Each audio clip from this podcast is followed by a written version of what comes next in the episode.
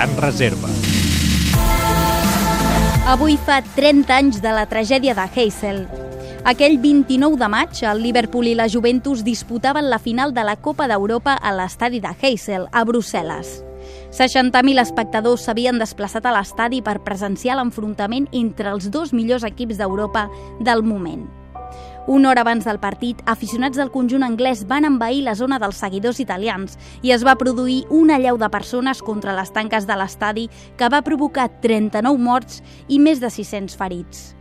La tragèdia de Heysel va tenir molta repercussió en el futbol anglès i internacional.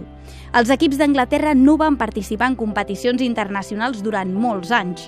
D'altra banda, la FIFA va reforçar la seguretat dels camps i van aprovar mesures que encara continuen vigents, com ara l'eliminació de les zones sense seients, la instal·lació de càmeres de vigilància o la prohibició de begudes alcohòliques. Tot i el tràgic accident, el partit es va jugar dues hores després per ordre de la UEFA. La Copa d'Europa la va aixecar la Juventus gràcies a un gol de Platini de penal.